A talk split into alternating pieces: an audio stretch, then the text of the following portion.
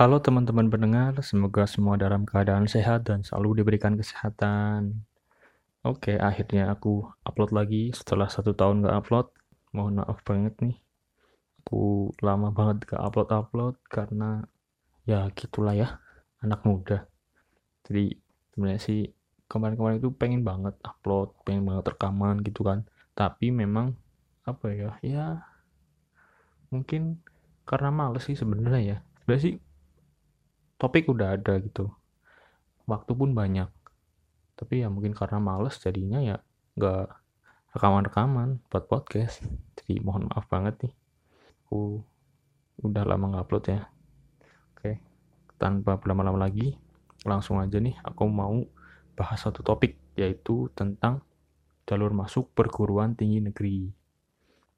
Jadi kan perguruan tinggi itu kan ada banyak ya ada perguruan tinggi negeri, ada perguruan tinggi swasta, ada politeknik, dan ada juga perguruan tinggi kedinasan. Banyak nih, dan tentu saja jalur masuknya pun beda-beda. Proses seleksinya juga beda-beda kan. Dan di sini aku mau e, berbagi cerita sedikit tentang apa yang udah aku alamin, tapi topiknya perguruan tinggi negeri. Jadi mungkin di lain kesempatan di part yang lain aku akan bahas juga tentang jalur masuk perguruan tinggi swasta, politeknik, dan mungkin juga kedinasan. Tapi dari berdasarkan pengalaman yang udah eh, bukan pengalaman ya, berdasarkan yang aku tahu aja gitu. Jadi berbagi informasi aja lah ya. Langsung aja nih, jalur masuk perguruan tinggi negeri. Jadi perguruan tinggi negeri itu secara umum jalur masuknya itu ada tiga. Pertama SNMPTN, yang kedua SBMPTN, dan yang ketiga jalur mandiri. Sebenarnya ada banyak sih, bukan banyak sih ya, ada lagi jalur masuk yang lain gitu. Ada beberapa univ yang ngadain jalur masuk lain gitu di luar tiga jalur utama itu dan mungkin aku akan bahas di part selanjutnya ya di part akhir lah nanti. Tapi sekarang aku mau ngejelasin dulu tentang jalur masuk yang pertama yaitu jalur masuk SNMPTN jadi SNMPTN itu singkatan dari Seleksi Nasional Masuk Perguruan Tinggi Negeri. SNMPTN itu eh, modelnya model model seleksinya itu menggunakan nilai rapot. Jadi kita itu nggak mikir gitulah ya kan biasanya kan kalau masuk univ kan ujian gitu ujian tertulis. Tapi kalau SNMPTN itu menggunakan nilai raport yang diambil dari semester 1 sampai semester 5 pada saat kalian SMA jadi singkatnya adalah SNMPTN itu eh, jalur masuk perguruan tinggi yang menggunakan nilai raport semester 1 sampai semester 5 pada saat kalian SMA sebagai bahan seleksinya. Jadi gitu itu pengertian dari aku sendiri ya. Tapi sebenarnya itu sih intinya. Selanjutnya berapa sih biaya pendaftarannya? Nah SNMPTN itu biaya pendaftarannya gratis. Jadi kalian nggak bayar apa-apa kalian cuma tinggal daftar gitu. Tapi pendaftarannya itu ada syarat-syarat yang harus kalian penuhi dulu. Oke ya kita langsung mulai cerita dari yang udah aku alami nih. Oh iya sebelumnya aku mau kasih info dulu. Kalau aku itu lulus SMA tahun 2018 dan masuk kuliah tahun 2019 jadi istilahnya satu tahun aku nganggur. Eh nggak nganggur juga sih. Sebenarnya aku pindah lah pindah universitas. Jadi gitu. Kayak lanjut lagi. Jadi dulu pada tahun 2018 SNMPTN itu diadain kalau nggak salah ya uh, mulai ada seleksi pendaftaran gitu diadain setelah UAS semester 1 pada saat kelas 3 jadi sekitar bulan Februari kalau nggak salah. Itu sudah mulai dibuka. Tapi buat daftarnya itu kalian harus diseleksi dulu. Seleksinya gimana? Jadi nanti panitia pusat panitia SNMPTN SNMPTN itu nanti memberikan kuota bagi setiap sekolah. dan kuotanya itu yang pertama dipengaruhi sama akreditasi maaf ya ada motor. Jadi kuotanya itu dipengaruhi oleh akreditasi SMA-mu kalau misal akreditasi SMA-mu A maka kuotanya ya lebih banyak daripada yang akreditasi SMA yang B. Jadi gitu semoga paham ya terus seleksinya bukan cuma dari itu ya setelah itu nanti sekolah itu akan meranking paralel siswa kelas 3-nya. Jadi yang boleh ikut mendaftar Oh maaf, kenapa paralel? Ranking paralel itu buat bahan seleksinya. Yang boleh mendaftar SNMPTN itu hanya 50%. Kuotanya 50%, kalau nggak salah ya. Kalau dulu itu 50% dari jumlah total siswa. Maka misal sekolah kalian itu siswanya siswa kelas 3-nya 1000, maka yang boleh mendaftar itu berarti peringkat satu paralel sampai peringkat 500 paralel yang boleh mendaftar SNMPTN. Gitu ya. Setelah di paralel, misal kalian masuk nih, masuk paralel. Eh, masuk paralel. Masuk kuotanya gitu di 500 ke atas lah ya ranking kalian nanti kalian diberikan username dan password. Aku dulu itu sempet deg-degan juga nih sama teman-teman gitu ya. Wah, karena kan SNMPTN ini jalur masuk yang kita itu nggak perlu mikir gitu loh. Nggak perlu ujian dulu, nggak perlu tes tertulis. Istilahnya tinggal ongkang-ongkang kaki, nanti kalian tinggal nunggu pengumuman gitu. Tapi ya gitu, seleksinya susah, nggak cuma saingan antar sekolah sama teman-teman kalian juga seluruh Indonesia kan saingannya kan. Jadi ya gitu. Kalau misalnya udah masuk ya seneng banget pasti kan. Nggak perlu mikir lagi kan. Oke itu sekilas info ya. Setelah kalian nanti dapat username dan password dari pihak sekolah nanti kalian disuruh untuk masuk ke website SNMPTN-nya nanti kalian di situ disuruh buat mengubah passwordnya. Karena kan passwordnya kan bersifat rahasia ya. Nanti kalau teman-teman kalian tahu ya kaswat nanti kalian dicurangin malah kan. Setelah nanti kalian mengganti password kalian diminta untuk mengisi ya biasa ya biodata kan data diri gitu dan lain-lain. Setelah itu nanti kalian juga diminta untuk mengecek nilai raport yang sudah diinput oleh pihak sekolah jadi nilai raport yang diinput itu dari semester 1 sampai semester 5 gitu itu nilai yang digunakan untuk seleksinya. Setelah dicek sesuai antara nilai yang diinput dengan nilai raport, di kalian tinggal milih jurusannya, jurusan eh jurusannya, ya jurusan dan unifnya. Jurusan mana yang kalian mau pengen dan univ mana yang kalian pengen. Jadi gitu. Tapi gini, dalam memilih univ dan jurusannya itu ada ketentuannya. Jadi dulu pada saat pada tahun 2018 itu yang aku alamin maksimal itu kita milih dua univ dan tiga jurusan tiga prodi gitu jadi misal kalian pilihan yang pertama Universitas Indonesia yang kedua oh iya aku lupa.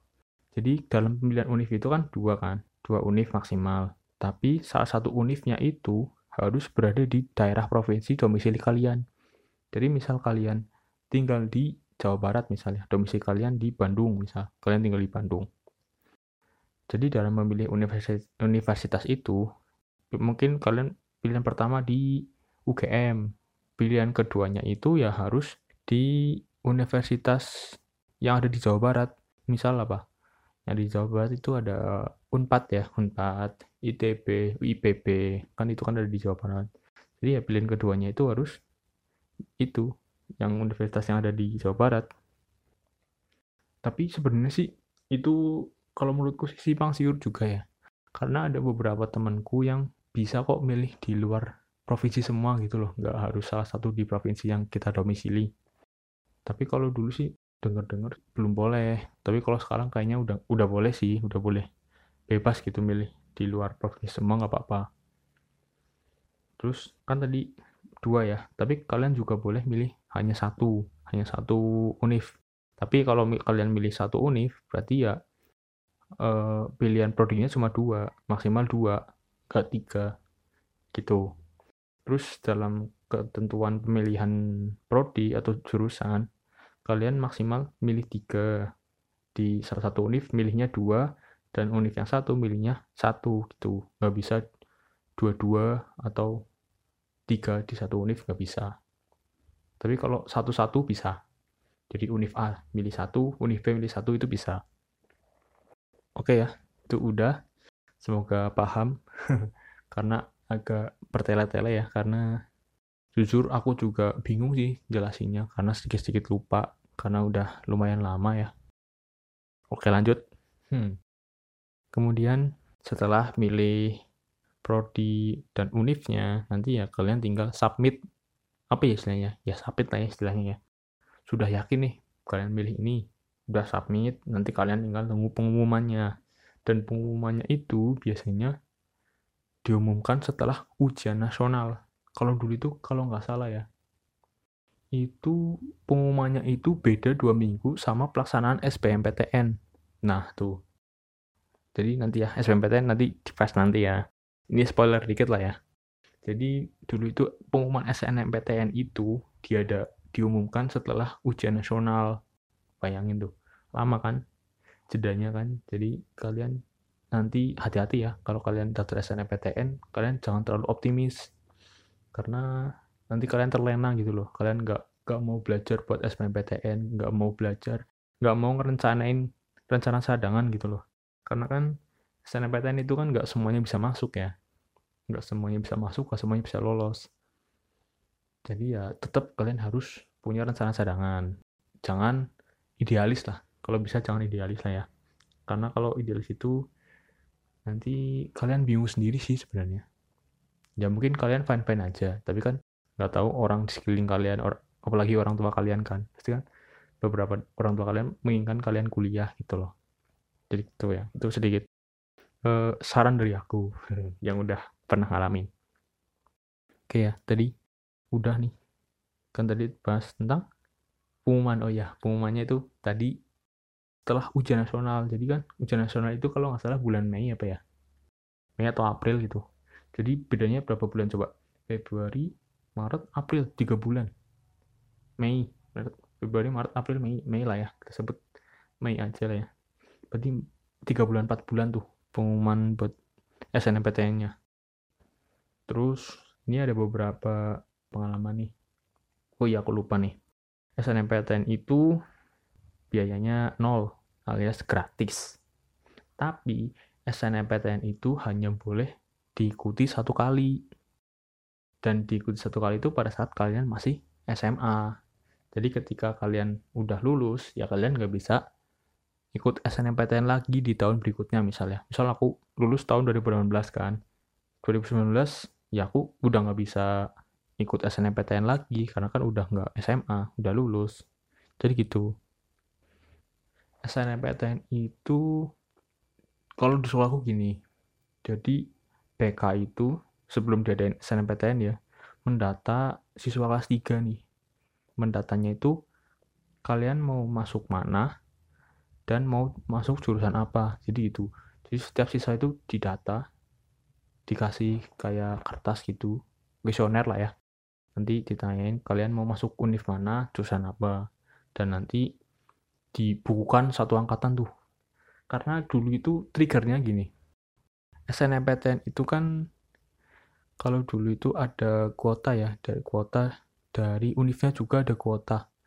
Univ kuota ke SMA masing-masing. Jadi kalau misal ada kakak kelas kalian yang masuk misal di teknik sipil UGM dan mahasiswanya itu kakak kelas kalian itu berprestasi di sana maka eh, kesempatan kalian untuk masuk ke situ lebih besar gitu. Untuk untuk masuk ke jurusan itu dan masuk ke univ itu lebih besar. Jadi gitu dulu itu ada rumor kayak gitu. Dan juga penting nih kalau dulu itu yang lolos SNMPTN itu masih bisa ikut SBMPTN lagi. Uh, ya bisa tetap bisa nyabang lah ya. Ya sekarang juga bisa sih sebenarnya. Jadi dulu itu yang keterima di SNMPTN itu dianjurkan sama sekolah itu harus diambil. Nggak boleh kalian tinggalkan. Karena kalau nanti kalian tinggalkan sekolah kalian itu bisa di blacklist dari dari daftar penerimaan SNMPTN tahun berikutnya. Jadi gitu. Dulu itu sekolahku juga juga sempat gitu dapat surat peringatan dari salah satu univ. Karena kakak kelasku itu banyak yang diterima di univ itu lewat jalur SNMPTN tapi mereka nggak nggak ngambil gitu. Mereka kan ya biasa lah ya kan mereka kan nggak mungkin cuma daftar SNMPTN doang kan. Pasti juga daftar kedinasan lah daftar atau daftar univ yang lain daftar jurusan yang lain jadi kan gitu. Jadi ke kelasku itu dulu banyak yang nggak ngambil SNMPTN-nya itu nggak diambil jadi ditinggal gitu ditinggal gitu aja lah. Dan itu berakibat pada adik kelasnya jadi keangkatanku gitu. E, kesempatan buat masuk ke situ ya jadi kecil gitu. Sampai dapet surat teguran dari univnya jadi univnya itu ngirim surat teguran ke sekolahku gitu dulu. Dulu gitu. Jadi angkatanku itu sempat marah lah sempat kesel sama kakak kelasnya gitu lah karena yaitu e, problem itu yang gara-gara nggak pada ngambil SNMPTN-nya gitu. Sempat ya sempat tegang lah. Tapi ya akhirnya nggak apa-apa sih sebenarnya. Santai-santai aja. Kan udah lewat. Terus apa lagi ya fun fact fun fact tentang SNMPTN jadi aku mau lanjutin ya. Kenapa dibukukan seperti itu? Dibukukan eh, dibukukan ditanyain eh, setiap siswanya mau masuk mana mau mau univ mana? Ya karena uh, biasanya sih nggak mungkin di satu sekolah itu uh, gimana ya? Aku kasih contoh aja nih ya. Misal nih kalian milih jurusan. SNMPTN kalian milih pengen masuk jurusan teknik sipil UGM dan ada juga teman kalian yang pengen masuk di jurusan yang sama dan univ yang sama juga. Jadi SNMPTN itu nggak mungkin masukin duanya dua-duanya sekaligus gitu loh. Paling yang masuk cuma satu. Jadi ya kenapa dibukukan itu? Ya tujuannya buat meminimalisir adanya uh, double gitu loh. Karena uh, belum ada sejarahnya SNMPTN itu nerima dua dua siswa di prodi yang sama gitu univ nggak nggak nggak ada belum ada sejarahnya itu sejauh yang aku tahu ya belum belum aku belum belum pernah dengar dua siswa dalam satu sekolah diterima di univ yang sama dan jurusan yang sama gitu. Kalau di univ yang sama ya banyak lah ya. Di UGM ya banyak lah gitu. Di, dari satu sekolah. Kalau di jurusan yang sama itu, di prodi yang sama itu, aku belum pernah denger sih. Jadi gitu, tujuannya guru PK aku dulu buat pembukuan tentang siswanya itu mau masuk mana gitu loh. Tujuannya meminimalisir itu. Dan itu sebenarnya sih cukup berguna ya. Karena ya biar kesempatan untuk diterima di SNMPTN-nya itu lebih besar gitu loh. Udah nih udah semua apa ya? Sebenarnya udah sih ya nanti kalau ada kurangan nanti kalau ada fun fact yang belum aku sampaikan tentang SNMPTN ini mungkin akan aku tambahin di part berikutnya jadi ceritanya sampai sini dulu nanti di part Berikutnya, aku akan membahas tentang jalur masuk SBMPTN. Dan sebelumnya aku mohon maaf banget nih, kalau mungkin penjelasannya belibet, kurang jelas. Mohon maaf banget karena ya jujur aja aku masih belajar. Dan diharapkan sih kalian bisa memberikan kritik saran, masukan ke aku lewat email yang akan aku tulis di deskripsi podcastnya. Terima kasih bagi yang sudah mendengarkan. Bye-bye di episode berikutnya. Terima kasih.